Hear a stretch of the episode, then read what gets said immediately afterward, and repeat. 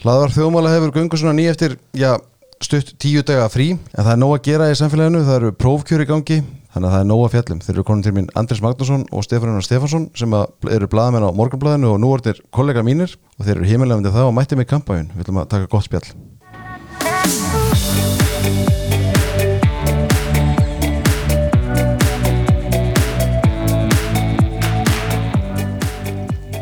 Og það er kampæjun, skils mér, Stefanunar. Er það ekki orðin hefð? Jú, það er mjög góð hefð.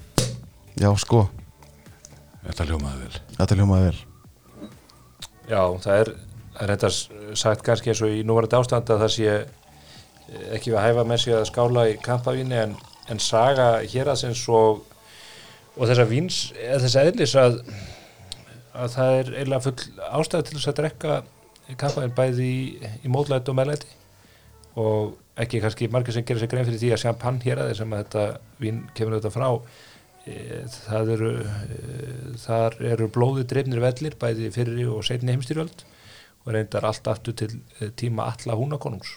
Þannig að það stundur sagt að það sé svona kaltæðinu örlegan að, að það vín sem að vekja okkur mesta gleði í lífinu skuli sprottið upp af þessum sorgar völlum sem, sem kampavellir eru. Jú, jú, en ég meina kampaðin er nú þess aðlis að það er hægt að drekka það einmitt í gleði og það er líka hægt að drekka sorgursunni í og ef maður er eh, svangur er gott að fá sér kampaðin og ef maður er sattur þá er líka gott að fá sér það kampaðin er líka gott. En hvað eru að drekka þetta, Stefán?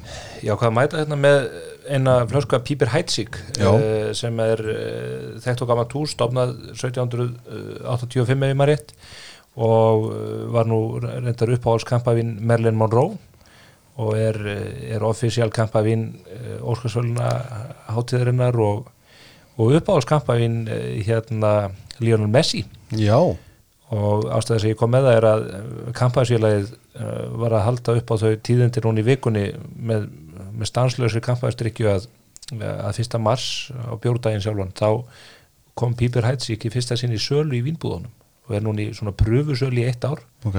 Og er bæði brut og, og rosa kampaðin á alveg frábæri verði sem að já, ég ætla að hann persónulega hefur svona væntinga til að geti glatt landan. Já, þetta fæst að einhverju góðu veitikásum líka það ekki. Jú, jú, þetta er, og sérstaklega þetta Essential sem er svona, þetta er ekstra brut með, með lágu sigurmagni, við hefum verið að vinna náið með Noss á, í hörpunni, Fanny Dóra Sigurjónsdóttir, maturismestari, hún er, og hún er fanatískur uh, áhuga maður og, og, og aðdándi þessa hús. Já. Þetta er líka svo gott. Já, er ég er búin að vera að smakka þetta með að þú varst að tala um þetta og þetta er þræli gott. Já, þetta er, þeir, þeir kunna þetta. Það er, eins og kjallarmeistari húsins heitir Emilian Bútila, er 34 ára undrabann, er svona sá maður sem að menn kannski ætti að gefa hvað mestan gaum í þessum þessum vingerðar heimi á, á komandi árum.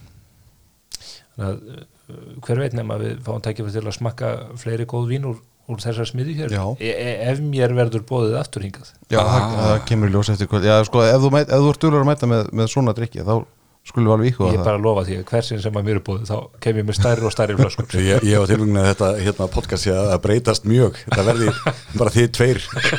Sko- sko, Setið þeim að, að sömbli Við erum að taka hér upp á mánudagskvöldi og, og, og áður en að ég kvetti þetta upptökunni þá sagði einhver hérna í hörbygginu hvað erum við að gera hér svona reyndu kvöld. En þá dró Stefaninu upp þessa fínu kampæslu, sko. Þannig að þá, dó, þá skildum við hvað við erum að gera þá skildum við hvað við erum að gera. Sko, talandu kampæn, það er búin að vera hérna prófkjör í gangi síðustu daga og vikur hjá öllum flokkum, eða flestum flokkum jú, jú. uh, og einhverju hafa nú opnað kampavín af, af því tilinni ég ætla nú að gefa mér ef ég byrja á hérna, ég ætla ekki að byrja okkar heimbæ ég ætla að byrja í Reykjavík og byrja á prófkjöri viðreysnar sem er um margt uh, svona eftir þetta verðt fyrir það eitt að til dæmis að það er fyrsta prófkjöri sem fer fram í þeim flokki. Jú, og lukkaðist bara ágætlega. Lukkaðist ágætlega, já já það er hérna það, já já, það vorum tefla 1200 mann sem tóku þátt í prófkjöri. Uh, ég ætla að gefa mig það að Dagur B. Sem er nú ekki viðreist, að hann hafi opnað kampæðin eftir það, prófkjör það er bara sigur það er bara sigur að býtum Þórtislóa sem er búin að vera oddviti viðreistnar síðustu fjögur ár. Og Dick samstarfskona og borgarstjóra. samstagskona borgarstjóras sko hann hefur örgulega fagnat því að hún er þessum áragur ég menna eins og uh, segir sko, ég menna, þau hafa unnið þetta þett saman og, hérna, hún er svona já hérna, í hans liði það er hins vegar tvíbent vegna þess að og, og bæði fyrir uh, dag og viðreist trú ég vegna þess að uh, fyrir viðreistn er uh, sjálfsagt að erfiðasta eins og fyrir fleiri samstarflokka samfélkingar að fara inn í kostningabartu og þurfa að svara spurningunni hvað gerðu þið Mhm. uh, hver er afreikarskrafum, hvað var það sem þið höfðu til málanleggja sem að dagur var ekki að gera vegna þess að dagur er náttúrulega búin að vera að klippa á alla borðana Mhm. og uh, svo saga sem að viðreistn hefur að segja í borginni er voða mikið bara svona, já við fengum að vera með. Uh, eins og Pavel auðvitað staðfesti með glórulösum umælum í, ágættum þætti dagmála. Já, það var bara mjög einkynlegt að eh, hlusta á það að hann vildi meina það að eftir fjör ára samstarf þá hefur náð fram einu og halvu máli. Aðalega þó því bara að fá að skoða þann möguleg, uh, möguleika eftir vill að selja eitt borgarfyrirtæki sem að Ég er ósennlega rétt já og ósennilegt og, og engin myndi látt sér þetta tjóða að kaupa. Einmitt. Þannig að ég held að, að þetta verður svolítið erfið saga fyrir viðreist að segja því lit til og uh, Já sko, en til upprýðunar þá skulum við ekki gleyma því að viðreist náttúrulega bjarg, sko, í, í kostingunum 2018 þá fjall þá var hann til meirhluti mm -hmm.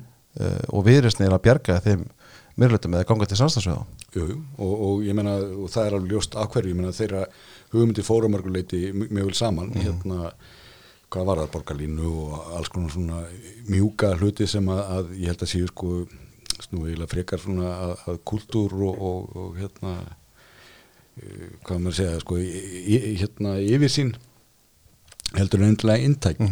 Og uh, og þau fóru hérna sko glöðin í, í það samstarf en, en eins og sko Pavel þetta svara, hann hafði ekki neitt sko mikið að bjóða. En, en þegar kemur að kostingunum að þá verður þetta erfitt fyrir viðreist en jafnveg þó svo að viðreist ná einhverjum árangri að uh, hvaðan klýpur hún sín atkvæði? Uh, mér segir svo hugurum að, að uh, viðreist sé ekki að slást mjög mikið við sjálfstæðarlokkin Mhm. Það var ekki?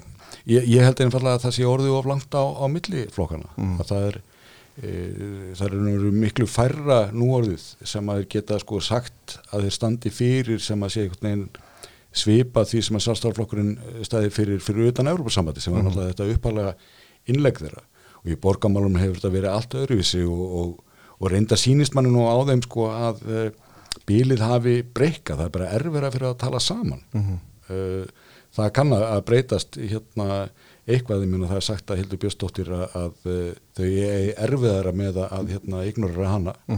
Og við skulum sjá til það, það getur vel að það breyta einhverju. En, en ég held að uh, sömu leiðis að fyrir dag að þá er það spurningin sko, ég meina ef viðri snær einhverjum vopninsinum þá eru þeir helst uh, eru þau helst að taka atkvæði af samfélkingunni, þar sé ef það gengur upp sem að já, hver veit. Og það má kannski segja það má uh, skoða þetta viðreisna prókjör líka svolítið í samhengi við prókjör vinstri græna í, í borginni. Þar sem að oddviti vakki heldur velli eins og Þórdís náinn samverkamaður dags og svona- Magnúðardóttir. Líf Magnúðardóttir. hefur verið í þessu hlutverkja meðan að dagur hefur hlaupið á milli stað og, og klift á borða og, og tekið armbegur með skólabötnum í, í hörpunni að þá hafa þær verið að reynsa upp skítin eftir eh, rekstra klúðrið allt saman, allt frá bragganum og, og miklu skólunum og, og þessu dóti öllu sem að, sem að borgin er að kljást við, þetta jargerðarstöðin gæja sem að, sem að líf hafði á herðum sínum uh, nánast óskipt í marga mánuði en þær halda velli, en þær eru báðar í þeirri stöðu í, í prókjörum í, í sínum flokkum að það koma fram kandidata sem að njóta svona velvildar hjá áhrifafólki og, og líkilmanneskjum innan flokkana Já, og eru svolítið sendir á þær sko. Já, sendi, já, Elín Já, Björk uh, veðurfræðingur Já, er send Jónasdóttir. uh, með mikilli velþóknun og Þórdís, nafna Þórdís Aló, hún er nýtu líka stuðnis og, og velvildar hjá, hjá topp, toppum innan viðreisnar. Já, Þórtís Jónas Sigurðardóttir kemur fram og gaggrinir líka mjög sko núverandi meirhluta Já, sko, talar um það í greinum og viðtölum já, að, það var náttúrulega verðt að hún gerði það en ég held að að, sko, henni hafi í raun og veru verið annað ómögulegt til þess að geta uh, velt nöfnir sinni undir aukum að þá þarf hún að sína fram á að hér er eitthvað val, það er ekki bara hérna, veist, situr tegundin að þóldi sinni það er, eh, hérna, ég vil þetta og hún er meira þarna. Uh, það tala svolítið líka inn í þá gaggrinni sem að hefur heyrst innan úr þessum flokkum báðum bæði Vafki og Viðreist að uh, þar hafa menn verið sumir svona eitthvað súrir út í ótötana að uh, þeir séu ekki nógu mikið pólitík og þetta séu ómikið bara svona eitthvað lístilsmál hjá þeim um þetta að vera í hérna káttalum og snittum. Og uh, ég skal ekki segja um hérna hvað er mikið að marka það en þetta hefur verið ákveðin gaggrinni en uh, þegar að hins vegar að uh, það er skorað á líf með þessum hætti að það átt með að nú vona því að það er gert með einhverju stórskotarhið en maður taldi það reyndar verið í uppsiglingu þegar að Eribjörg kemur allt í hennu fram stendur þarna í hálfu, uh, maður er í hálfu kafi í flæðamálunni í skerjafyrðunum þarna í fjörunni og, og það, maður taldi að það ætti að verða stóra málið ástæðingastin, að líf hefði í raun og veru sendt uh, hérna jarðitur á þetta viðkvæma lífríki og það væri eitthvað sem að vinstri grænir ætti ekki að geta sætt sér við. Og náttúrulega þar sem að áskorfandin uh, sko, ég meina hún kemur úr uh, þessum sko hérna landverðar geira mm -hmm. vinstri græna og, uh, og það átti svona að vera hennar uh, uh, hérna plattform að segja að það, það er ekki nógu vel gert við náttúrunum þarna og ég komið til þess að- að berga því. En vinnur samt ekki.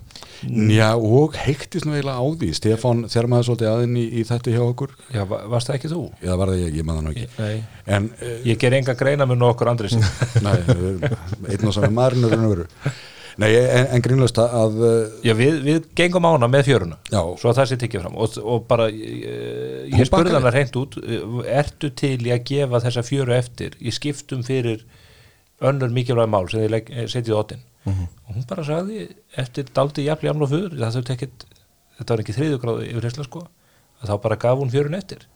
Og þá þetta áttaði fólk sig á því að þessi fjara er til sölu eftir allt saman. ég En svo veit maður náttúrulega aldrei almennilega hvaða sko kraftar eru að verki í, í svona prófkjörum. Ég meina, sko líf hefur náttúrulega verið ábyrrandi í, í hérna, svona þeirra manneskja þarna í borgarstjórn og hérna með ýmsum hætti.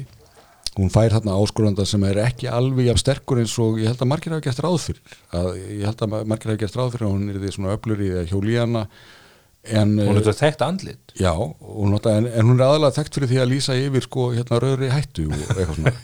En, en, Appelsinu gulviður Já, en uh, sko, en hún eh, var ekki dugleg í kostningabartunni hún, hún var ekki mikið í þessari hefðbundin pólitík. Nei, og þeir geta það heldur ekki. Þessar reglur auðvitað hjá VFG eru mjög undarlega þeir með ekki döglýsa, það má ekki ringja fyrir þannig að þeir sjálfir þetta er einhvern veginn, menn eru bara vangstífðir í að koma sín á framfæri. Og þá auðvitað reyndar Er nýtt- nýtt já, já, og þá njóta kannski þeir góðs af því sem að eru tækt andlit. Já, Það en, er- ta en takt eftir því að uh, þær voru þrjár sem að, að báðu um fyrstsætið Ella Sigvarna líka sko. Og hérna uh, Já, við hefum ekki svo nefnt hana. En Já. hún er náttúrulega ekki þekkt andlit og Nei. er bara hófær manneskja sem trana sér ekki fram sko. Nei, sko, hún reyndar hefur innan þessa flokks og glemir því ekki að Vafki er ekkit eh, sko, sérstaklega stór flokkur. Þeir, þeir kæra sig ekkit um að vera fjöldaræfing en uh, hún hefur getið sér gott orð uh, þar innan dyrra og uh, hún er annáluð fyrir vinnusemi. Að, að hérna, hún tekur þessar stóru nefndir og lesi í gegnum alla skjálabungana og er vakandi hérna framötu nóttu í því öllu þannig að uh, sko, maður hefði talið hún myndi fá einhvern þetta eru rosalega lýsingar. Já, ég erðu, bara það vill svo, svo skemmtilega til að ég og bróður sem hefur verið í borgarstöfn og, og langar að vera þar aftur. Og uh, ég bara man hvernig þetta var. Þe- þetta er heilmikil vinna nefnilega að vera í þessum nefndum og ráðum. En uh, hún sem sagt hérna hafði getið sér þetta góða orð en hún var líka svo eina sem að ég held að hafi farið fram alveg að fullum krafti í hefðbundna kostningabortu hún ringdi út kjörskránuna já, gerðu það. Já, hún bakaði allar vöflutunar og, og, og gerði allt það sem hún á að gera. En það rökk ekki til. Nei. og uh, Stefán Pálsson sem er nú góðkunningi okkar í, úr dagmálun líka. Já, já, frændi minn. Og, og það, uh, fræntigli okkar er bara leggjó já, en uh, hans um sé er, er náttúrulega á, hérna, og framari, ég. Á- ágætlega þekktur maður. Og hann sér það, byrju, það eru þrjára að stefna fyrsta sætið. Annarsætið er ókipis og hann fekk það eins og ekkert væri. Þannig að keppnöndunum fyrsta sæti það er hrunda bara niður og, og ég held að gerir nú fáður ráð fyrir það sem mikil vond til þess að, að það er sleppin háði hann ekki sína kostningabaráttu bara einhverju spa-hótel í staðar? ég, ég held að hann hafi bara hefði mitt holdt á fókbalta og sett inn status og status á Facebook og Luton Town og Já. borða haggis. Það er þannig sem er minna kostningabreyta En sko ein pæling í þessu sko, það er með Þórtis í Jónu sem að, við vorum búin að fjalla þessum hérna hjá Viðreist ef hún tekur sæti á listanum og verður í þriða sæti þá þýðir það mæntulega í óbreytti stöðu að hún er þá fyrsti varaborgarfulltrúi. Mm. af því að Viðreist er með tvo borgarfulltrúa. Sko, hvernig verður það fyrir Þórtis í Lóu að, að hafa hana í, á, í, á, á lista? ég held að það verður bara nákvæmlega ekkert mál. E, Ég er endar myndi sko, mér hefði gaman að sjá Þórtis Jónu koma inn öðru hvori, ég held að hún hafi margt fram að færa. Já, já, en ég meina þe- þegar að menn e- eru í, í frambóðu og menn geta haft mismæti skoðanir til meirluta samstags og eitthvað svona og ég held að hún hafi nú aðalega verið að setja fram að hún gæti hugsa sér að horfa annað. Það var ekki, var ekki að binda sig á klafa dags eins og nafninar er svolítið búin að gera. Þetta var ekki dört í kostningabaratu Nei, alls ekki, ég er ekki að meina það þannig, fólk sko. verður að þóla það þó einhver bjóð sér fram og segir þau, ég, ég held að ég sé færari til að bjóða mig fram.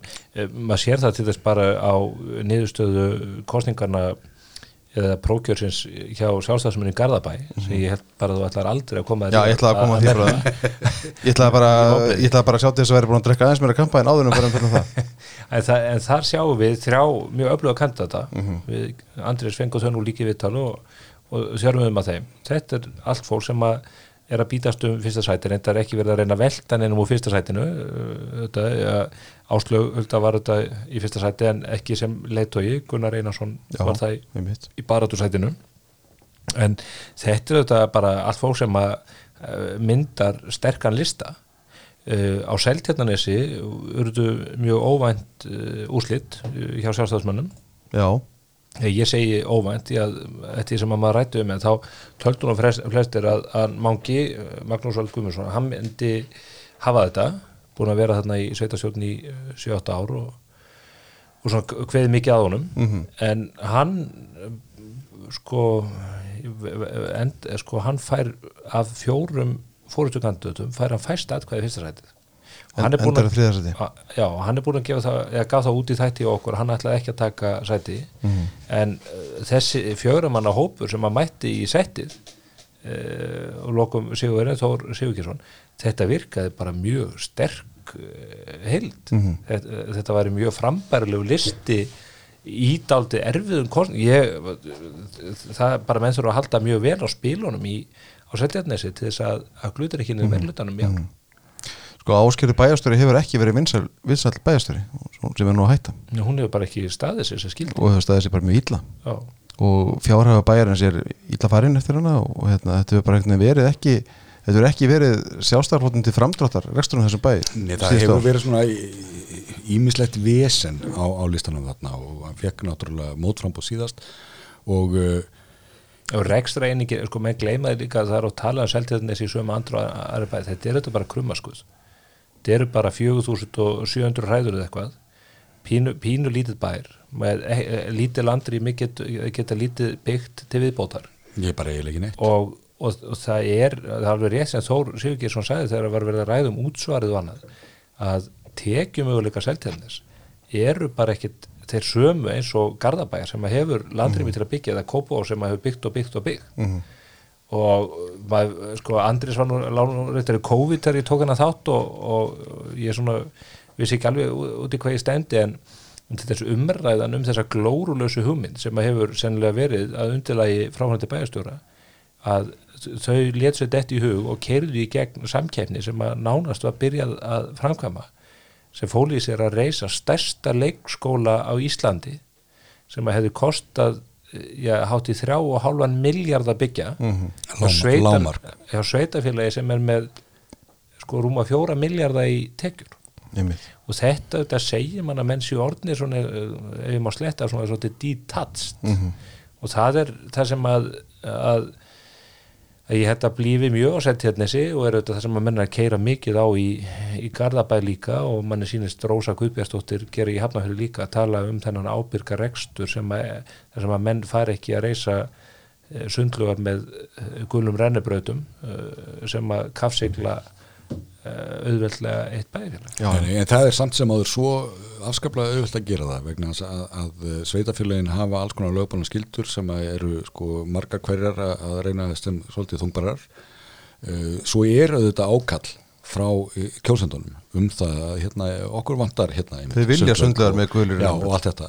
Og það er bara afskaplega erfitt að segja nei við því og það er líka afskaplega erfitt að, að láta síðan tölun að stemma eins og við sjáum bara á því eh, þegar við lítum á skuldanhlutvöllin hjá sveitafélagunum það, það er um það byrja helmingur hérna sem að er bara ekki á góðum stað. Í, Bú- í Búðardal, þeir eru að fara að reysa þar fjölunóta íþróttahús fyrir 1 miljard í Búðardal. Já, fyrir 1 miljard Já. þetta er auðvitað sko, það, það er bara spurning hver slekkur ljósin og lokar á eftir þeim því að svo endar þetta auðvitað með því að þetta sveitafélag þegar verður orðið gjaldrótta út af þessu verkefni verður neitt til þess að samina stöður sveitafélagum og þá þurfa uh, aðrir íbúar uh, sennilega í stikki svo með að kingja því að, að taka á sig aukna byrðar og greiðslu til Einmitt. til þess að vinda ofan af vittleisunni Já, þetta er ekkit eins og var hérna í, í gamla daga þegar að sveitafélög gátu farið að fara út í einhverja svona dagskrá þegar þau seldu bæjarútgerina eða eitthvað slíkt Mhm. Að þeir haftarætsvinningar eru allir farnir. Þannig að, að ég geti ímyndið með það að, að uh, sko að þýlit til verði kostningabaróttan erfið fyrir ábyrga frambjöðundur en þeir eru kannski ekki allir fra, e, ábyrgir sko, þannig að við hefum aflis eftir að sjá að einhverjus eru að lofa miklu og þá veldur það á já, annars vegar kjósnum og, og síðan náttúrulega náungum eins og okkur Stefáni að, að, hérna, að þjarma að liðinu um það eru þau að rekna þetta rétt? Einmitt. Við erum eina von flestra þessara sveitafélag Já, já, og bara í landsins ég er bara, ég, Ég ég, ég, ég tárast þegar ég hugsa það. Hvaða nafn við að fá á þessa björgunarsveit? Nei, nei, en sko En það, er- meina, það er ekki gaman að vera bæjastöðun sem að neytar að hérna, laga bryggjuna og byggja íðrútahús og, og hérna, gera allt þetta. Nei, nei, og minn þurfa bara að, einmitt að fara í, fyrir ekki orðbræðið, forgangsraða að uh, það eru ákveðnar skildur sem að, sveitafélagin hafa og þurfa að sinna og það þarf að gerast í ákveðnar röð sko líka. það eru lögbóna skildur og svo eru gælu verkefni og það er endar þetta mál sem að við rættum í Garðabæ sem- og það er kraumand undir. Þetta er mjög tröstur meiri hluti fyrir sjálfstæðarflokkin þar og þáttakinni prókjörnu undirstrika hvers konar víð þetta er. Eh, en þar hafa með ráðist í gæluverkefni eins og íþróttahöllina í Vetramýri, uh, Midgard sem fjóra 4500 miljónur ef maður rétt. Á sama tíma eru leikskólamálin í mínu hverfi ég teka fram, ég er ekki ég er ekki hlutlaus í þessu máli bara í, í, í algjöri klessu. Og þar eru auðvitað má deilum svona þar sé lögbundi hlutverk sveitafélags og annað þau hafa sett sér það stefnu að vera með að koma öllum börnum minn 12 mánuða gamlum og þetta er bara dæmið því miður um, um það, það sem að sveitarfélag og kannski fráfærandi bæjastjóri einhver leiti er bara uh, komin í það verkefni að reysa sér einhver minningaskjöld eða En þarf þetta að vera eins, eins og í Garðabæ? Þarf þetta að vera annarkvort, er ekki hægt að gera bæði? Já, sko, ma- Laga vandi- leikskólamálin og Nei, byggja sko, er sá að, eh, sko, að því að Garðabær er Garðabær og, og hérna, það er ekkit sem bendilega annars en að hérna, tekjurnar verði svona sæmilega stabilarar þetta á í sjálfur sér að geta lukkast en þau lenda sem þetta í þessu af því að þau eru með þetta verkefni sem að, að, er svona fjárfrækt svo gerist það í urriðaholtinu að íbúasamsengin í hverfinu er önnur heldur en að menn töldu þegar var að vera skipulegja hverfi. Talsveit mikið önnur. Já, og þannig að það er miklu meira barnafólki sem kemur þangað og, og uh, það er allt innum bara öll pláss uppurinn og þá er sveitarfélagið í, í erfiðu stöðu, það er ekki með uh, peningar lausa í handraðinu til að gera eitthvað í því. Altså, í, á þungum stað sko. Og, og náttúrulega allt höfbrukarsvæðið bara í bullandi vandræði með að finna starfsfólk á uh, uh, dæmili þannig að þarna sko hleðst allt saman þarna upp og það er erfitt að uh, ráða buga á því 1 og 3 og þetta er auðvitað staða sem að fólki í sveitafélögum er að, að lenda í sko víðaskar á höfbrukarsvæðinu að sko ef það hefur ekki eitthvað borð fyrir bálu þá getur þetta orðið mjög þröng staða mjög hratt. Þeir hefðu geta gripið fyrir ný þeir áttu sá því að vandi var að hlaðast upp fyrir allnokknum ára 2017, 18, á- 2018 í síðasta lagi. Mhm. að þeir voru þessu stóra verkefni þá hikuður, vildu ekki að þeir ábyrgir ekki keira skuldalhutulun of mikið upp. Og maður sér þetta bara og við rættum þetta þessi í þættinum eh, þegar við fenguðum til okkar að, að það er bara við að mjalla inn 200 miljónum ári uh, samkvæmt áallunum fyrir svona tveimur árum inn í uppbyggingu skólans. Svo bara allt í einu núna þegar menn komið fjárhásállun þá er þetta bara miljardur, einn og hálfur á ári á næstu árum sko. Þannig að þeir voru alveg búin að sjá í kortunum hvaða þyrfti mikla peninga. Þeir ætluðu sér bara ekki að reka bæinn með tapi út af þessari miklu fjárfestingu. Og það kemur niður á þeim. Ég er samfæður um það eftir samtöl við og svona eftir því sem að maður skinnjar þetta í hverfinu þetta er alveg mjög stór hverfi í svona heldarsamviki bæjarins að þetta getur verið svolítið þungur róður og kannski högguð þannig í fylgi flokksins að það er þið kannski nær 50% heldur en 62% Já, ég meina þú veist það ég sem er, er áfall fyrir, fyrir Sko, það, Já, já. Það, það er auðvitað ekki neitt ómulögt í því. Ég held eins og varst nú að benda hérna á hana að þarna er eh, komin svona, já, ný fórðsveit eh, sem ég held að geti alveg pluma sig ágætlega í kostingunum þegar það kemur.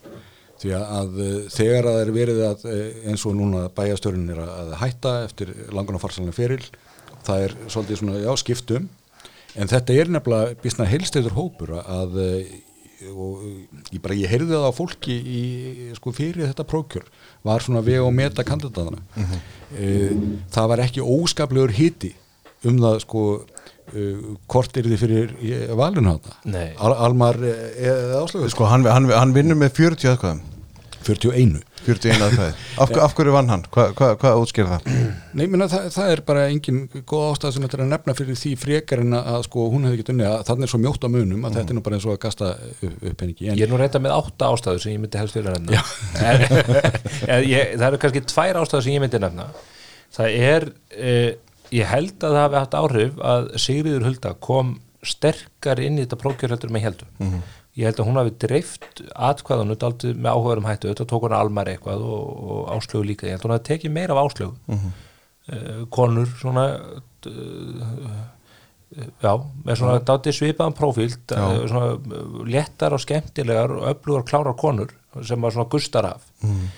Og uh, ég held að það hafi haft áhrif. Síðan held ég að það hafi áhrif að bæjarstjórar Garðabæjar hafa í gegnum árþúsundin verið e, svona settlegir e, kallar á miðjum aldri sem að svona, skjóta inn bröndurunum oftast á réttum tíma en eru kannski ekki svona mestu partiljónin. -hmm. og ég held að, að Almar bara fytti svolítið inn í þe- þetta, hann er bara svona rólindis yfirvegaður rekstra maður svona. Ekki fyndin Jú, jú, hann jú hann, þeir, þeir bræðunir eru hann lumar á sig sko. Já, en ég, ég er að segja sko svona, ásýndin er þessi svona að þeir eru fyrst og fremst bara góðir ekstramenn sko. og ég er ekkert að þvælast mikið fyrir Gunnar auðvitað, og Ingimöndur og, og þetta, þetta kom síðan áslýsatn inn á, á milli en þe- þetta er svona alltaf ásýndin svona þessi mm. settlegi yfirvegaði ábyrgi heimilisvæður á miðjum aldrei Já, en ég meina, ég heyrði það alveg á fólki að það, það, það er náttúrulega talsverður munur á þeim tveimur. Og uh, einmitt, hvað ásýndina varðar og svona. En uh, maður heyrði það að fólk var til í raun og veru sko hvort sem var af því að þetta væri killer combo að þú væri með hérna hann sem væri ábyrgur og kynna þetta og hérna kynna að lesa tölur og, og það allt. Og ekki þarf verið áslug huldar náttúrulega neitt rekstri líka. En uh, hún, uh, það er mitt svona gustar svolítið af henni og, hérna hún er með nýjar hugmyndir. Uh, sumar svolítið hérna wild sko.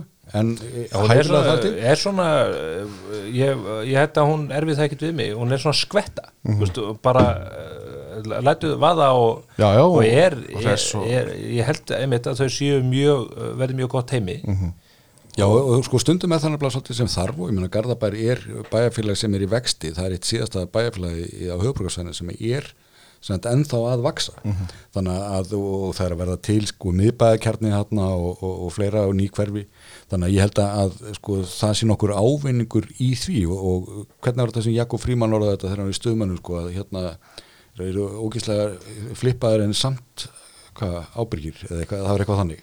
Að þetta er svona hæfileg blanda sko. við skulum vona það. Já, sko ef við förum aðeins sunnar það er nú ekki mikið að ræði hafnafyrir þar vinnur Rósa Guðbjörnsdóttir náttúrulega örglega er sitjandi bæjastöri og vinnur sitt prófkjör. Já, þó hún fekk aðeins 70% atkvæða. Þannig að það eru einhverju byrjar að banka á sko. já, já, og, og þarna urðu Helga Ingólfsdóttir sem að var eh, já, ég man það nú ekki nákvæmlega hún hrapar þarna niður nokkuð sæti. Hún endar í sjötta seti já, ég, var hún ekki bara í þriðja fjórða síðast? Jú, mér minnir það. Og svona þannig að það eru En það er ástæða bak við það sko. Ég allan að heyrða því að, að hérna, sko Helga Ingastóldur er, er varaformaður vaffer Mhm. og og, hérna tók náttúrulega þátt í því að reyna að fella Æslandir hérna fyrir tveimur árum, einu og hálf ári síðan. Mhm. og, fólk, og starfsmenn Æslandir eru ekki búin að gleyma því skrifstofu fólk sem að býr í hafnafyrði kýsi þessi brókjari og þetta hefur það áhrif þegar, þegar bæjarfellur reynir að fella vinnustæðin það er svona getur, getur setið í fólki. Jú, svo sko við nú líka sko einmitt þó að sko Rósa hefði fengið 70% þarna að bera að horfa til þess líka að kjörsók var frekar lítil mm að það var ekki óskaplega spenna það var bara eitt bæðastöra kandidat. Já, já, Eh, þannig að kjörsóknin var ekki nema um 30% af félagatalinu. Mhm. að, að þeirri ástæði þá hugsa ég að þetta verður svona eh, verið eitthvað meira haptrætti í næstu sætunum en, en svo ég menna gerist líka allir hlutur eins og það Orður Björnsson sem er búin að vera viðlóðandi sveitastundamálarna lengi sko, ég menna hann var bara mjög ungu maður var hann orðin varabæðafyllri og, og skoppaði eitthvað í og komin aftur og búin að vera sko, er búin að meika það á öðrum vettvangi frangastöri hérna Algalíf. Og þannig að uh, það er eitthvað sem að svona eh, kemur eitthvað nýtt hann inn og ég meina, Kristinn Andersen er hérna næstur uh, fyrir neðan. Mhm. uh, þ- þetta er mjög, mjög áþekkur listi en samt sem að það verður svona smá nýkbreyting á honum. Þannig að ég held að ég sjálfur sér sko, geti sjálfstafsmenn alveg unnað sko, gladir við þennan lista spurningi kannski frekar við hvert þeir eru verða að etja kappi já, það er komið nýr maður sem að, eða nýr, já, ekki alveg nýr en, en hérna, Guðmund Róðan Stefansson gamalt vín á nýjum belgjum Já. en sko uh, það, þar uh, kannski það þarf aðeins að skoða þetta prókjör hjá sjálfstæðismennum í því ljósi. Þar að segja uh, þessi lilla þáttaka með við uh, félagatalið. Og svona bara áferðin á þetta prókjör náði rosalega lítið út fyrir bara svona hafnafjörðar krónikuna Mhm. Er það ekki bara þegar það var ekki slagur? Uh, jú, kann að vera en þú veist, það er auðvitað slagur í, í sætunum fyrir neðan sem hefði átt að hýfa upp þáttökuna og Guðmundur Átni Stefánsson hann er sínd við en ekki gefin. Og þetta verða sennilega einhverja mest spennandi kostningarnar á allavega svona meðal í stóru sveitafélunum verða þannig hafnafjörði nota bene held ég að uh, Guðmundur Átni hafi til dæmis eitt tromp upp í erminni. Það er alltaf mjög vinsælt þegar að leiðtógar í svona kostningum gefa það bara upp að þeir ætlir sér ekki að vera bæjarstjóra þeir séu ekki að þessu fyrir launin og, og það að klippa á borðana. Hann gæti mjög auðveldlega komin á sinn aldur, komin með allan eftirlaunarétt og reynslun úr utækningstjónustunum og það allt saman. Hann getur pizzað því inn á borðið á viðkvæmum tímpúnt og sagt Heyrðu, ef þið veðið á mig núna frekar heldur en bæjarstjóran sem þið hafi núna sem er notabenni bara í þessu til þess að vera í þessu góða djópi þá, þá fáið þið hérna bara faglega ráðin bæjarstjóra. Er það eitthvað endurlega gott? ég er ekkert að segja að það sé gott ég er að segja að það sé klókt. Að því að Rósa hefur staðið þessi gífurlega vel sem bæjastur að mörguleiti mjög vel en þeir hafa auðvitað sína gaggrín á þetta við fengum nú letu á kandidatana hjá samfélkingunni uh, til okkar Andris getur útlistað það hverju það uh, voru og, og og það sem að, að skiptir máli hérna þú eh, ert algjörlega að sleppa því að geta er það að, sko, þú sagði nú reyndar að hann var í sínd við en ekki gefin máli er einmitt þetta að, að fyrst þegar maður heyrði því að hann var ekki að kosta sér þá maður sér drottmýtir í hvað er hann að hugsa? Bara, hérna, þúsund ára gamall og hérna þetta er eitthvað rugl.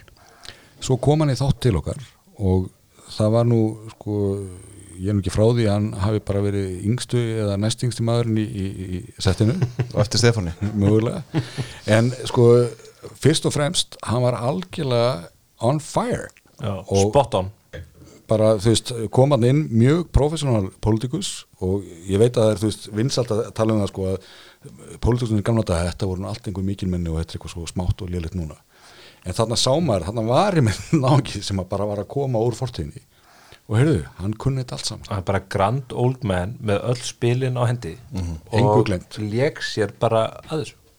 Og, og það er bara ekkert grína eiga við svona menn. Hann er að spila núna inn á uh, vandræðagangi félagsstjónustunni hann getur nefnt að það uh, sé, hafi fjölgað lítið í bæjarfélaginu á síðustu misserum sem að er auðvitað svona alvarlegur ástendingasteinn í umræðunum um húsnæðisvandan þannig að þetta, þó að Rósa sé búin að standa sem okkur veitir vel að hafi haldið friðin í bænum og, og margt sé svona horfið rétt átt þá getur þetta bara orðiðinni alveg rosalega skeinuhætt mm. og ég meina hann náttúrulega hefur sko, sko ímsa ása upp erminni, aðal ásinn er náttúrulega það að hann er með Guðmund Óttan Stefansson upp erminni, en, en hann getur líka skiljið ymmita því að hann er með alla þennan rétt og, og svona sko, ég meina hann, hann er ekkert að fara að svelta, hann getur líka í meiri kostningabaratu sagt, heyrðu, bara launakostnaðar hér hefur alltaf mikil mm. þegar ég verð bæðastur þá ætlum ég að taka eina krónu ári. Vist, hann getur farið alls konar svona stönd. Þannig að og, og, og hún er með ekki gegnum það? Í alveg. Að þetta er stönd sko? Já, sko, við sjáum... Launamál, bara sem Andris nefnir á þess að það sé, ég er ekkert að spáði að hann gerir þetta. Nei, nei, ég, ég, er heldur ekki spáði, ég er að segja bara... Þó við vitum þá hvað hann fekk hugmyndina er að gefa hann um hugmyndir en, en, en, en ef hann gerir, gerir eitthvað svona, þá, þá virkar, getur það virkað þannig að það velti hlassinu. Hvorugur flokkurinn að fara að ná hennu meirulhuta? Mm -hmm þeir þurfa að mynda brýr og, og, og byggja brýr mm. Og eins og Guðmundur átni kemanni fyrir sjónir í þessu spjalli og svona í samskiptum í tegnslum við, við það þá er hann bara ótrúlega flinkur í því, hann hefur skólast mikið til öruglega í utanriksfjónastunum var flinkur fyrir og þannig að þetta er, ég segi bara eins og ég segði á þann, þetta verða spennandi kostningar að þessu leiti, þetta verður engi flokkum er hérna meðluta, þetta verður seltjarni þessi spennandi vegna þess að það er hættu því að, eh, að það geti spilast þannig að þetta verði aftur á tæpasta veða. Ég takk eftir því, ef, sko, fyrst og minnast á nesið fyrst að, að mangi er ekki að fara fram þar. Þá geti vel verið að það er því aftur sko springið frambóð til hægri. Já, það, það er bara ekki ég, ég, ég, bara, ég veit ekki en ég, bara, ég heyri það að hérna að kunningi minnum á, á nesinu mm -hmm. að uh, þegar að þeir áttuðu sig hvað hefði gerst og að, að uh, Magnús hann yrði ekkit sko einu svona lista mm -hmm. þá listin bara ekki á blíkuna mm -hmm. og ég menna það er náttúrulega komið vandraða mál hann bara rétt uh, sko bara um daginn ég meina þá bera bílar einn bæjarfutröðin og gengur til hérna liðs við minnlutan og, og budgeti fyrir rugg og bara hækka skatta og þetta, það er ekki, ekki, ekki gott mál og ekki til vinst að það fallið þar sko. en eh, ef sjálfstæðarflokkurinn lendir í því sem að uh, menn segja heyrðu, maðurinn sem að, að sko, veit hvernig að láta þessa reikninga þó stemma sko, einu sem kann prósturreikning ef, ef hann er ekki með uh, þá er þetta bara húið og það er síðan frambóð sem er einhvern veginn til hægri við sástaflokkin mm -hmm. Það getur bara orðið mjög erfitt og velta þá kannski meira á því sko hversu duglegir hinn í flokkinu verða sem að reyndar manni sínist að þeir verða ekkit sérstaklega Ef við ekki með þess að prókjöru sem er eftir það er Kópavöður, sjálfstaflokkurinn í Kópavöður er næstu helgi og það býðið sér fram Ástís Kristjánsdóttir sem að hérna er nú, ég verður nú að segja Sigur Stránglegust á móti Karinni Haldurstóttur, eða ekki? Jú, ég meina, ég, ég veit nú ekki hvernig veðbankanir hérna reknaði þetta út en það blasir við að Ástísir er mjög sterkur kandidat, hún er að koma ný hérna inn. Uh, við þar kringustæður sem þetta að uh, Ármann Olsson sem búin að vera bæjastöri hér í Kópái í talsett langa tíma. Það þurfti að vera svona stuðlar og kúrbett með svona hérna, úslutum í þessu, maður getur lagt undir. Já, ég meina, hver segir að það sé ekki hægt? Eh, en, en uh, sko bæjastörin er að hætta þannig að það er opið rými hérna mm -hmm. þá er... og Einar Þorstinsson sem allir held að færi þennan slag er konið frambóð fyrir framsónarflokkin í Reykjavík menn, menn sá það kannski ekki alveg fyrir en, en hérna en ég held að kjóstur hafa ákveðan tilnýjingu til þess að bæjastöri fyrir að segja ok, þá, þá skiptu við erlega um sko mm. og það held ég að verði erfitt fyrir kannin sem þetta því að hún er bæjaföldurinn nú þegar mm. að segja ég hef eitthvað nýtt fram að færa mm. þeir myndist bara að segja nei, ég hérna þú ert búin að vera fín í, í, í bæðistunum að gera þitt sko, en hérna það er ekki nýtt sem þú ert að koma með sko.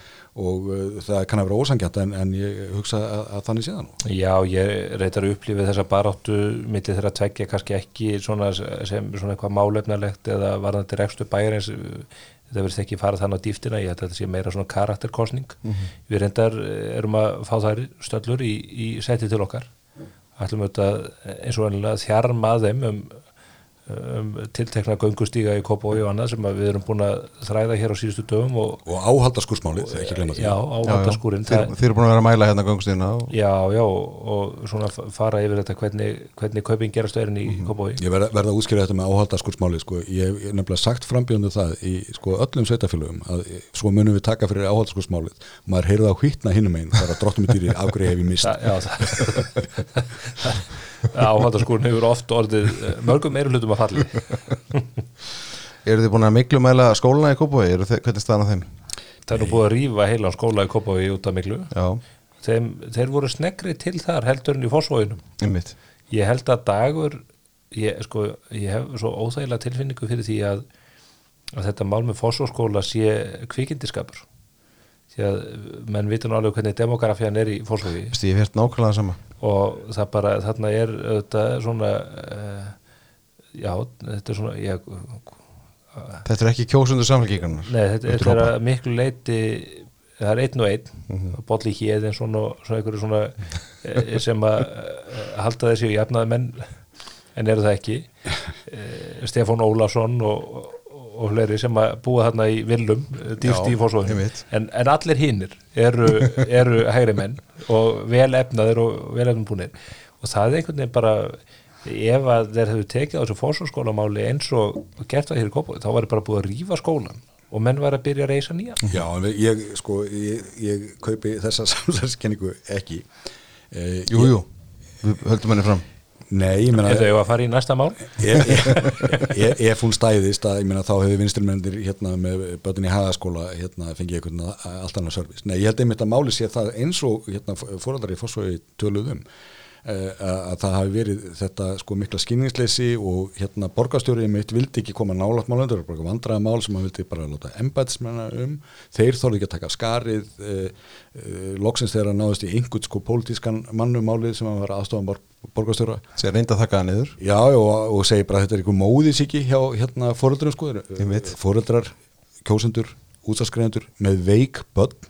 Það er bara eitthvað að sem já, það er bara eitthvað sem verður að taka mjög alvarlega. En, en það var ekki gert og, og, og hérna haldið fram nei það við erum búin að gera allt sem þarf að gera og allt sem verður gert og þið verður bara fellegu við það og það er ekkit að. Og börnin áfram veik og eh, eftir dúk og disk og þá fallast mér á að gera eitthvað og þá er gripið til þess ráðs að, að smala börnunum upp í rútur og kera þau 10 km leið hérna upp í, í Mósestali eða eitthvað starf í óskofunum Grávog og hérna Fóruð ekki í korpúlstaði? jú, og uh, þau eru búin að vera þar nei, þau voru ekki búin að vera það neitt þegar það var búið að finna mikluna þar líka sko. hérna, þe- þetta er allt svona og það eru leikskólar sem eru líka hérna grátt leiknir að- að- eða grænt leiknir að miklu og, og Græ, veginn græna byltingin. Já, einhvern veginn virðist hérna græna planið. Það, einhvern veginn er, er það eins og sko, það sé eitthvað svona sinnuleysi. Mm. ótrúlegt sinnuleysi sem að bendi til þess að borgarkerfi sé orðið of þungamannlegt að uh, ráðhúsið eða borgarfullróðnir sé einhvern veginn of fjarlægir því sem að er verið að fást við vegna þess að ég, ég vek aðtekleikra á því að, að þetta áhugleisi var ekki bara hjá borgarstjóru og ekki bara hjá meirilutunum, það var líka samt, mjög erfitt uh, að, að fá minnlutanstæðmálið upp. Það var bara stökur borgarfullróð sem gerði það. Þarna hefðu þetta Valgerur Sigurdóttir var þar í fararblóti Já, ég, ég, hún var bara lengi vel svo eina sko. En þarna hefðu þetta bara þurft að fá einhvern fórustumann til að grípa inn í og, og stíga inn í þetta mál og láta rífa hana skóla og reysa nýjan. Vandin er hins vegar sá sem að kom alveg bersinli í ljós í viðtal okkar við letóefni vinstri græna í borginni. Sko að fjárhagur Reykjavík það, þetta er ekkit pólitíð stönd hjá minnlutanum. Borgin stendur gríðarlega illa fjárhagslega. Hún er í mjög alvarlegum fjárhagslegum krökkum. Og eina ástæð þess að það er ekki algjörlega augljóst eða einhvern veginn svona æbandi augljóst er bókalsfiff í tengslu við félagsbústaði þar sem að menn er að taka félagslegt húsnæði og bók færa inn á efnaðarsreikning eh, þess eh, gríðarlegan hagnað á ári hverju vegna þess að fastegna verð hækkar svo mikið. Eins og allir vita þá eru félagsbústæðar ekki að fara að selja allar þessar félagslegu eignir, síst af öllu vinstriflokkarnir Einmitt. sem ætla að fjölga félagslegu húsnæði frekar heldur en hitt eða auka við. Já, bara það stendur ekki til hjá neinum flokki að selja svo mikið sem sko eitt kústaskáp úr því kerfi. Nei, en ég heldur áhaldsskúrin og, og, og svo þegar maður ræðir við þessa fulltrúa vinstri græna sem að ættu nú svona kannski að vera, hefði maður haldið svona út frá félagslegum sjónamiðum, gaggrínin á fjáraustur og, og það er menn séu í einhverjum bókalsæfingum sem er nú frekar kannski eitthvað sem er verið að hamast á kapitalistunum fyrir að gera. Nei, nei, nei, nei, nei. Þær eru svo ánæðar með það að menn skuli færa þetta með þessum hætti og þegar við gengum á þessa fórstu menn Magni og, og Elin Líf. líf, líf fyrirgefiði að, að þá er svarið það að það sé nöðsynlegt að standi þessu bókarsfifi því annars gætu félagsbústaðar ekki sótt sér fjármagn á markaði þar sé að sótt sér uh, lánsfí á markaði. Já, ok, voru menn ekki dæmdir fyrir svona eftir hrun þetta fyrir, í, þetta er auðvitað, þetta er mjög alvarlegt mál og þetta er sko, mér, mér fannst þetta nú aðalega að lýsa sko kunnátuleysi. Hérna, er- já eins og það er áttuð sig ekki á því hvað um var að ræða þarna og þegar að við nefndum að eftirlistofnum efta hefði þið fundið að þessu. Þá hefðu þeir átt að kveikja pyrrun það máttu kannski deilum þetta meðan einhverjir fulltrú, borgarfulltrúar eða fólk í endur skoðana nefnd borgarinn eða eitthvað slíkt voru að deilu þetta. En þegar ESA hefur stíðin í þetta, er bara ólögmætt að gera þetta. Þetta er hverki heimila með þessum hætti að að þetta er félagslegt húsnæðin ekki fjárfestingaregn þá hefði þetta fólk þetta bara átt að standa upp og segja heyrðu, það er greinlegt að við höfum gert hér hluti sem við áttum ekki að gera það þarf að endur með þetta.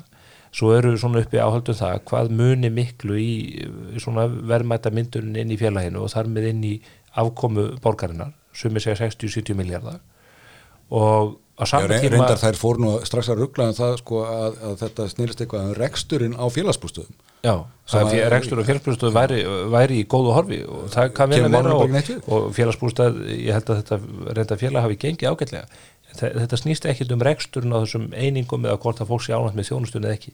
Það snýst bara um það hvort það sé verið að búa til bókanslegan hagnað sem að sé ekki til í veruleikan og hann er síðan færður inn í samstæðureikning borgarinnar og dregur með því úr gengdarlausu tapi á rekstri hennar. Og hvar kemur þetta niður?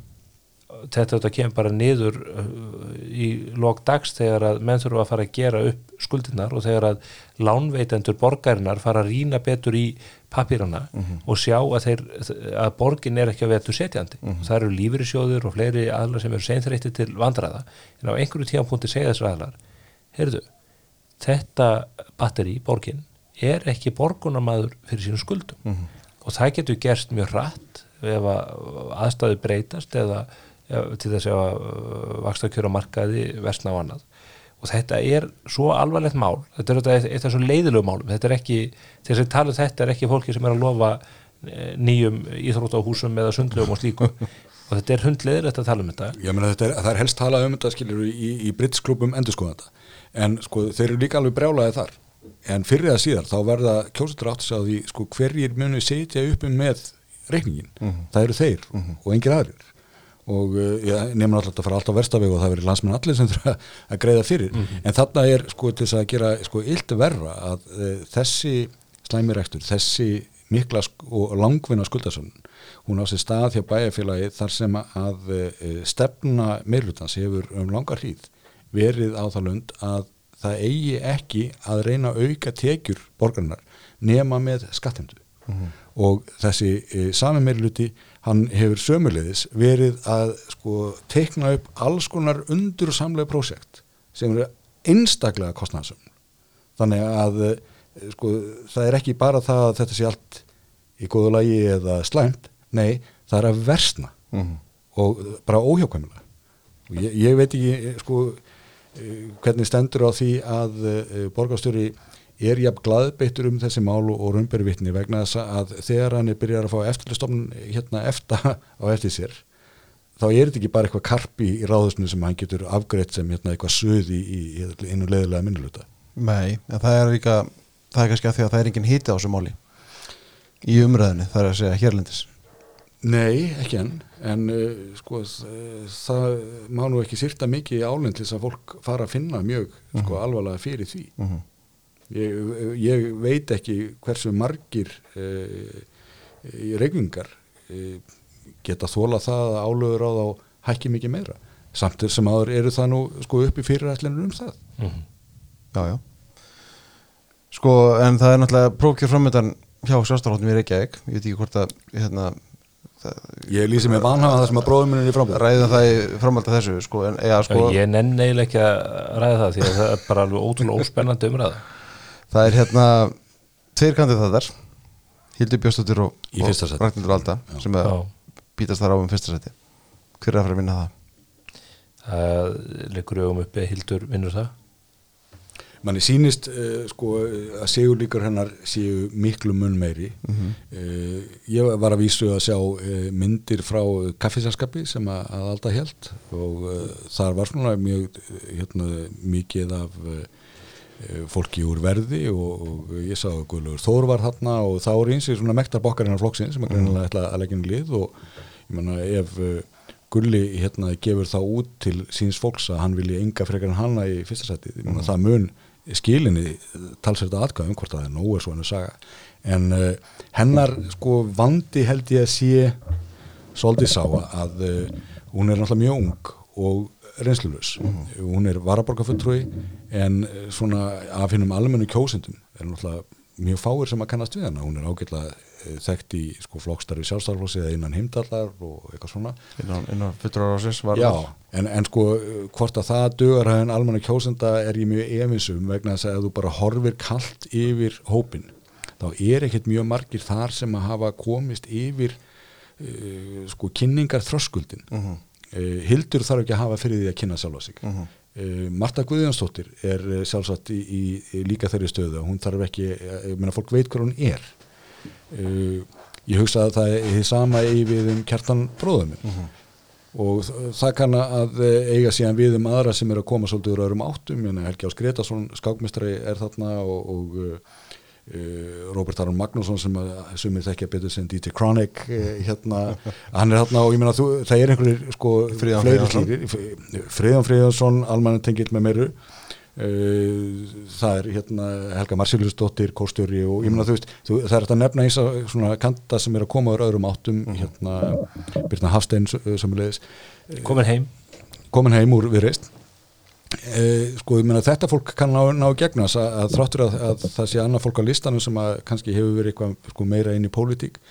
Ég meina drótt með dýri, það eru borgarfulltrúarna sem að, að eiga erfitt með að útskýra fyrir kjósundum að þeir hafi verið borgarfulltrúar Við tengi hver eru þannig við nefnum engin nöfn og það er bara því við munum ekki hvað þið heita. Nei, nei. Já, sko, þetta snýst alltaf lókum samt um það sko, hver getur, að, menna, það, er engin að, það er engin flokkur að fara að fá meiri hluta í Reykjavík. Og við erum auðvitað með allt og marga borgarfulltrúa, við erum með 23 borgarfulltrúa. Þannig að þetta snýst um það hver getur unnið saman. Og ég með kannski fetta það í þáttum með næstu dögum og vikum en það, það er náttúrulega sko já, það lítur að vera munur á því að, að, að alltaf starfa til með, með, með Hildi Björnstóttur heldur en einhverjum öðrum ég meina ég, ég hugsa að það sé alveg rétt að uh, sko hildur uh, í auðveldana með það heldur en uh, sko aðrir borgarfulltrúar uh, sem að, að nú eru að uh, semja til dæmis við flokk eins og við reysni þetta að ná eitthvað hérna til vinstri, geta, þurfi ekki bara að einbetta sér sko að því að tala við fulltrúa miðflokksins eða flokkflokksins eða, og ég meina það er ekki óslunnet heldur að við bætist núna fulltrúar fransunarflokksins Já, Einar Þorstensson, vinnur okkar hann ætlar að bjóða sér fram. Ég las það í Gísla Martinni Já, ég, ég sá þetta á Twitter um kvöldið eftir, eftir þáttinn. Hann tilkynnti þetta í hérna, beitni útsendingu á Rúf já ég, Ég var nú eiginlega mest hiss á því að, hérna, að, því að þetta kom svo gersanlega flatt upp á Gísla Martin að, hérna, þetta er síðasta sem maður átti von á að hérna maður myndi lýsa þessu yfir beinni einstaklega, að þar hefði ég í, í spórnum Gísla Martin sko, sprottið á fætur og vísa mannum á dyr það sem að sko, reglur Ríkistóðsins heimiluðu það ekki að Já, sko, væri að gala það Já, það, það er ekki við einar að sækast í þessu ég menn, hann er bara stjórnmálum bara að koma sér á framfæri og hann, auðvitað nýtir, hann er með besta útsendingatíma Ríkisjónsins til að tilkynna sitt frambóð og nýtir það, er ekki frekar við Já, þáttastjórnundan að sækast sko, ég er ég ætla að lýsa yfir ánægð með það að, að Einar Þorstinsson skulle vera koni pólitík. Ég held að Einar Þorstinsson sé klár og, og ég veit að hann er frambærilegu maður og hann hefur staðið sér vel í kastljósi og það er bara geður og, og, og Já, þetta er bara svona alvöru manneskja sko. og gott að fá svona fólk í pólitík uh, hérna, hver sem það í flokki stendur. En ég verð þó að segja að og, sko dýrmætasta asset stjórnmálumanna uh, er dómgrind og mér, uh, mér finnst þetta eiginlega uh, mér finnst þetta of cheap. Þetta er ódýr leið.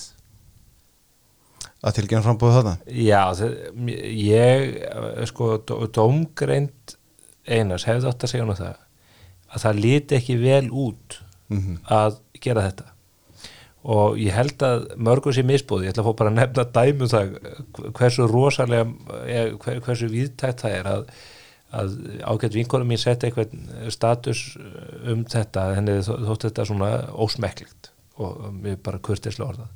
Og ég svona kvittað upp á það með nokkrum velvöldum orðum Nokkrum vel, samsendum vel fúkriðum Nei, mjög kurtislega orðað af því að ég líka bara ber viðingu fyrir Einar Þorstensinni þó að ég hafi ímugust á þessum leiðenda þætti. Hver kommentar á þetta hjá mér af öllum?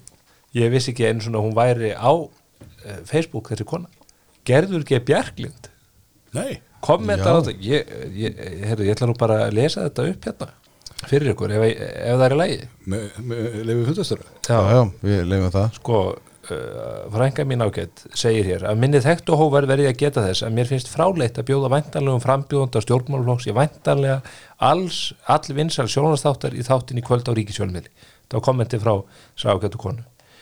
Og þá kommentaði ég hér og sagði ríkisútvarpið sérnum sína Einar Þorsteinsson er það greindur maður að hann átti að velja alla aðra staðin Gísla Martin til þess að tilkynna um frambóðið hann má vita að það er ósmekklegt og lyktar af misnótkun mm.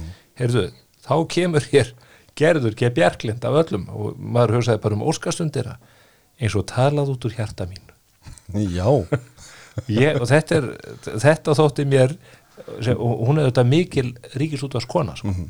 starfaði þarna í ára tugi mm -hmm. ber tauga til stofnunar en þarna greinlega gengur yfir fólk. Þannig að ég held að, ég held að einar þetta geta gert þetta miklu smeklegar Ég sko, reyndar var mér sagt að, uh, hann hefði verið kallaðar með skömmum fyrirvara það hefði einhver gestur gengur úr skaftinu. uh, það hins vegar er dóngröndalvísi að sko, ég, meina, ég, get vel séð fyrir mér að Gísli Martin að hugsa með sér, byrju, hvað getur fengið? Hérna, hey, erðu einar, það, hann er ekki búin að vera í umferðinni svolítið lengi og mér er að spyrja hvað hann er að gera. Ég hef grunum að hann lögum á einhverju, það getur verið fínt sjónvarp. En þarna ég mitt hefði sko pródusendin átt að pikkin að segja "Njá, ekki góða mynd en það gerði það enginn. Þannig að þetta gerist og ég meina ég eh, sko þetta hefði ekki átt að gerast ymmit af því að það lítur aðsnælega út. En ég vil nú ekki sko gera fólki upp einhvern illan hugiði að það hefur verið einsta tóngrættaleysi hálfu einasa að, Nei, að enda, enda byrja ég hérna á því að taka til vartan ég, ég er ekki að segja að þetta sé einstakt dóngareitar, ég er ekki að segja að þetta sé einhver frágangsök þetta bara, þetta er- fyrst og fremst jú, og maður sá líka sem að það voru frambjóðundur eða, eða rótarar annara stjórnmálflokka sem fóru strax að stað sko, hérna, Já, já. að spyrja býtu, heyrðu, hvenar í hvaða þátt hérna fáu okkar kandidatara þá er ekki bara einhver hægri með sem að þú er ekki Gíslamartin en, en vandin Nei, er bara vandin Það er voru bara sá sko. að vandin er bara sá að þessi þáttur eru þetta uh, algjört óbermi. Mhm. því að þetta er á prime time í ríkisjónapinu þannig að fjölskyldana geta safna saman og þarna er bara verið að plaffa á ákveði fólk og ákveðnar hugmyndir alltaf. Og hann bara gengst orðið upp í þessi maður. Þetta er misnótkun og þetta er, þetta er uh, ríkisútvarpinu til vansa að halda úti þessu efni með gíslamartinni einhver myndi segja honu til varnar að þetta sé skemmti þáttur og það megi gera grína stjórnmálumönnum og, og þeir sem taka þátt í stjórnmálum. Já, en það þarf, sko, þá þarf það að vera þannig á sjónvarstöð sem að, sko, er undir þá sög seld að vera mm. hlutlaus, að þá þarf að beita því vopni jamt á alla. Og það gerir þetta gíslimartin ekki. Ég, sko, ég, ég verð að játa það að hérna, ég hef ekki séð þáttinn nægilega oft þess að dæmt um hvort að þetta sé sko, gegnum gangið yfir höfuð en ég meina ég hef hort á hann nokkur sinnum og, og stundum hefur maður séð eitthvað sem maður svona, já ok, þetta er kannski út í einhverjum kanti.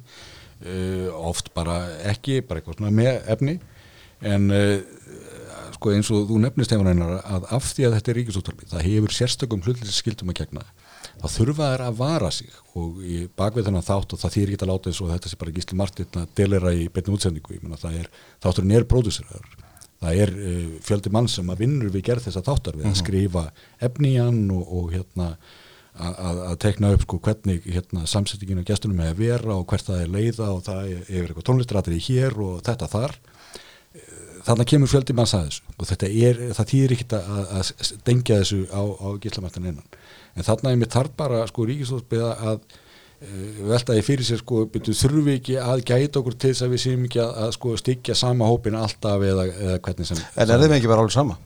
Það má vel vera og hérna það eru bara við hérna hægri menni sem erum að tuða og er þeim ekki bara að sletta með það? Jú, það má vel vera, en sko þá eru þið samt sem aðra að grafa undan sjálfum sér vegna þess að ríkisúttarpið, það er ekki sjálfgefið að það sé til ríkisúttarpið landinu og það hvílir hérna veit að þetta fólk álíti nú að svo sé. Jú, jú, það, það má vera, en svo hugmynd að, að uh, þarna sé einhver stofnun sem að sé uh, áskrifundur af peningum skakkriðanda að það hvílir meðalans á þessu að það sé þetta hlutlýsi, að það sé ekki í einhverjum hérna pólitískun skollaleikjum eða einhverju slíku. Og ef það vaknar upp grunnsendum það, þá er það eitthvað sem að ríkisúttarpi getur reynda að eða. Ef það er hins vegar ár eftir ár eftir ár eftir ár sem að einhver einn hópur, einhver einn stjórnmálfókur telur að þessi sífælt verið að halla á sig. Og ég meina, ég held að, uh, þú veist, uh, ef sjálfstæðismenn eru eitthvað fúlir, ég meina, hvað heldur að miðflóksmenn geti sagt? Mm hérna, eða einhver aðri, ég meina ég er vissum að það eru fleiri sem geta kvartað en uh, það, þeir eru að grafa, útvarpi er að grafa þetta sjálfu sér ef það leifir slíku að vikangast þannig að menn merki að það sé einhver halli.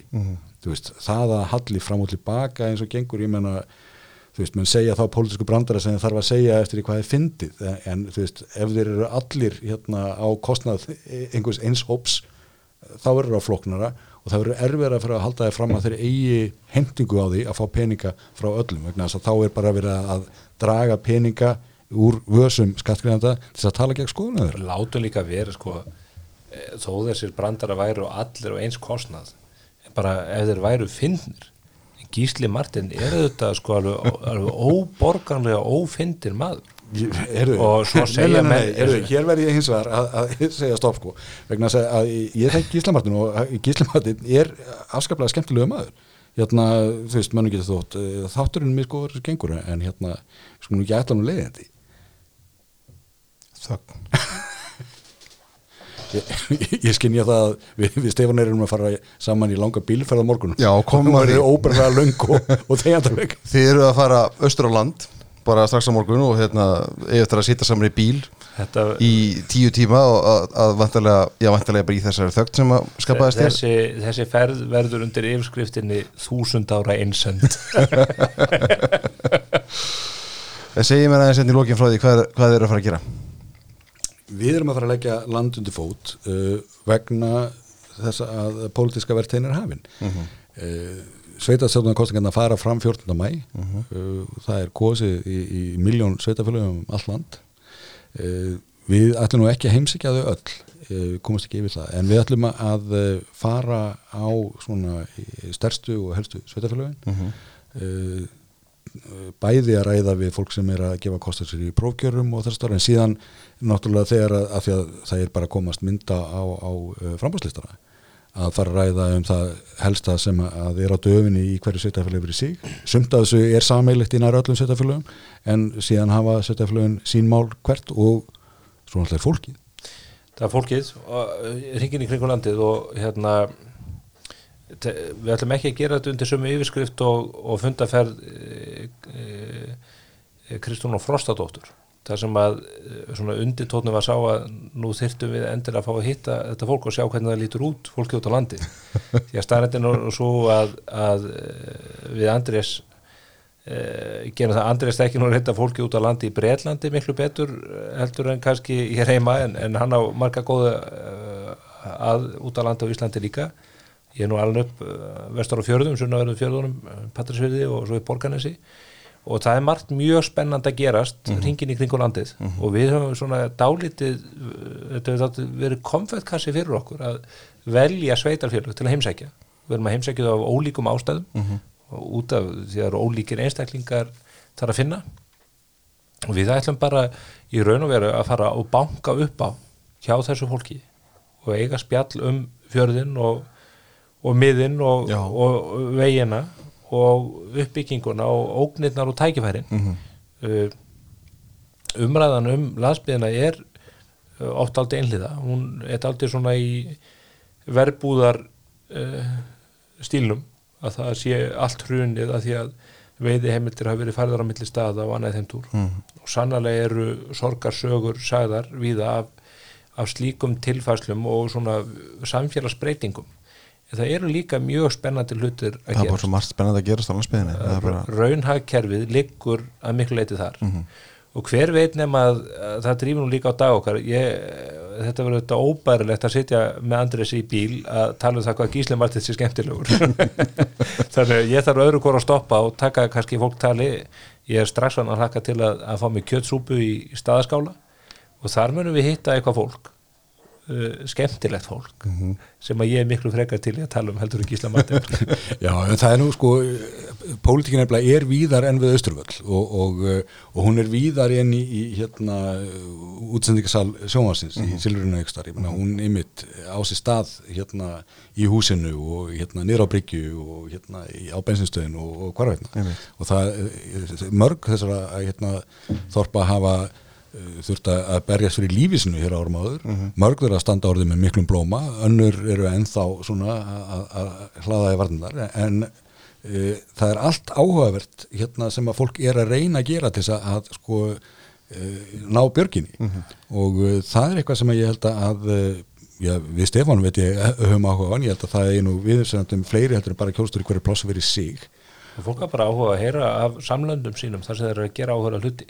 Og ekki á þessum fórsendum eh, ég nefndi nú Kristrúnu þetta leð- leðilegt að vera að skjóta svona hana ekki verandi hér en, en svona svo maður nefni aftur með eins og ríkisónarpið það er margt mjög gott gert þar en og eins og landin til dæmis sem að svona varpar ljósa á hlutina oft og, og það er nú sveitungjuminn Gísli Einarsson uh, hefur verið fremstur í flokki. En það er svona, þetta er ljóður að ráði þeirra þáttakerðar að þar er einhvern veginn uppleikið alltaf það að mæta fólkin út á landsbyðinni eins og að það sé gísla uppsölum á ferðinni.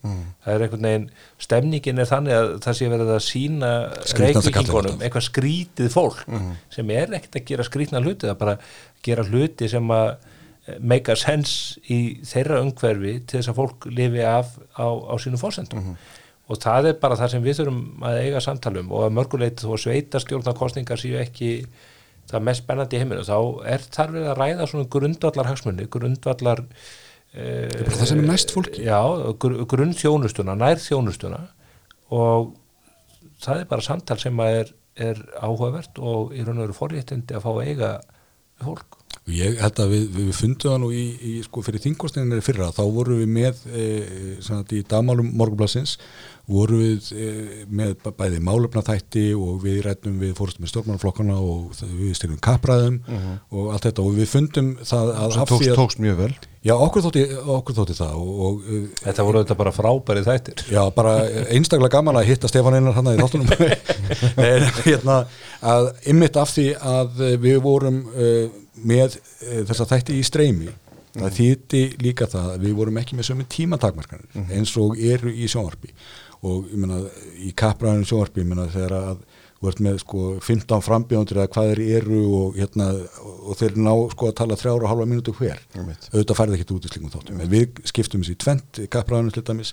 Þannig að við náðum e, svona tala sér meiru hérna út úr þessu fólki. Og ég held að, að það sé einmitt e, sko lærdóknum sem að dró var það að byrju þarna getum við gert eitthvað sem að bara þessum hefðbundinu ljósakamilum er eiginlega ófært að gera af því að þeir eru í þessari línulegu dagskrá. Og þann, þennan leik viljum við endur taka núna út á landi og einmitt að fara á staði sem að eh, annars ég hugsa að fæstir þessara staða fengju sko, svona aðtikli fjölmjölað svona uh, spurningar og tækifæri til þess að svara þeim á hinnum öðrum vettvang gerir þetta alltaf svona þessi gísla uppsölum nálgun. Og eh, ég reynda skal taka fram til að hlýfa okkar ágættu áskrifundum og, og vinnu þá þá sagt uh, hafnaði ég með öllu hugmynd Andrésar um það að við með alla bílferð okkar austur í streymi. Því að Andri, sko, finnst ég þetta mjög skemmtilegur en það er ekkert á við það hvað hann finnst hann sjálfur skemmtilegur. Þannig að syngi ég oft er að ég þannig hann taldi að það er, er mikil eftirspurn eftir þessu að hérna að gera þetta svona. En hver ég, keirir í svona ferð? Ég, ég nefnilega ég kom með krók á móti bragði og ég, ég gekk þannig frá málum að við fengum sér að djeppa frá Toyota sem að ég held að arvakur leiði af, af fyrirtækinu og uh, ég baði um sjömanabíl þannig að ég ætla að koma Andri sér fyrir í þriðju sætaröðinni með kassakampafinni og svo ætla ég að keira austur eins hratt og ég get. Já, Já, en samt ástæðan fyrir því er, er að þá lostanum við það A að ég syngi en síðan alltaf hann hafa mér satt í þriðuröðinni vegna þess að hann fekk ekki kerru fyrir mig. Það verður sagt uh, við Andrés eins og góðum aður fórðum daga þegið og syngdu sko ég ætla að fá að koma hérna eina, að einum punkti sem er áhugaverður og tengist landsbyðinu og það er nú hérna, nýr sponsor þáttinn, það er Rekus skrifstofukjarnar. Þeir eru nú að opna skristofu hérna á Ísafjörði í apríl og það eru með skristofu hérna á Siglufjörði og Borgarnesi nú þegar. Og þetta eru allt til marksum það að það er líf í atvinnulífinu á landsbyðinni og það er fólk sem er að starfa fyrir fyrirtæki Reykjavík, fyrir stopnunir fyrirtæki út í heimijafel og býr út á landsbyðinni sem er auðvitað bara frábært. Mhm. og að eiga möguleika á því að starfa á skristofu eða skristofu kjarna eða hvað sem við kalla það eru auðvitað bara að merkjum það hversu hvað, heimurinn er lítill. Jú, jú, ég meina þetta breytist alltaf heilmikið í COVID-19 var farið að breytast eiliti fyrir það en í COVID-19 þá bara fundu það allir að þeir þurftu að geta unni með þessum hætti þeir alltaf að vinna annar borðs eða, fólk í skrifstofinni þannig að, að menn komist upp á lægi með það og komist á því að tæknilega þá var fátt til fyrirstöðu. En ég held að, að líka með svona skrifstofu kjarna hótel sko í, raun og veru að það skipti miklu máli í mitt fyrir eh, sko ekki síst þessa staði þar sem að skrifstofuhúsnaði er að skortinu skamti þannig að ef þú ert að fara að setja á laginnan lítið fyrirtæki þar sem þið verði kannski bara meitt og sætil til að byrja með að það er meira áttar fyrirtæki að finna staðin Einmitt. finna eh, sko henduga stærð og ódýra en uh, þegar þú ert uh, með svona aðstöðu þar sem þú getur verið með mitt með bara þessi tvö borð sem þú þart aðganga prentara frammi og kaffivél það er bara getur gerbreytt stöðunni sko. Ég hef bara ekki svona rosalega skoðan skrifstofukjörnum eins og Andrés ég gerir það vegna þess að- ég hef verið í, í hérna sagt, sprota hérna umhverfi þar sem að maður sér bara hvernig hlutinni verða að gerast þeir gerast ekki öðruvísi. Ah. þannig að þetta getur breytt bara heilmiklu. Við erum að kíkja á aðstöðuna þarna á Ísafjörði Já. Við erum að fara að renna þangað eh, eftir vikur. Mm -hmm. að fara að gera viðreist um verðstöði Þetta er bildar, nú er kampaðinni búið. Já, þannig að það er svona að mestu, það er hérna flaskan er búin en það er eitthvað eftir? Jú, skál fyrir bara ferðin ykkar og, og hérna og, og skál fyrir nýju starfi á þér til að mikið já, takk fyrir það, ég er komin, komin til ykkar. Já, og hérna, ég fer endur ekki að fara með þessa ferðin en hérna, það er það, það eru fleiri. þú ert ekki fyrsti maður sem að, að við þurfum að hafna. Og kannski ekki svo síðastu Þetta er ekki, takk fyrir komuna, það er gangið ykkur vel og, og við, fæðum ykkur aftur hérna fyrir kostningar Miklu frekar. Þannig að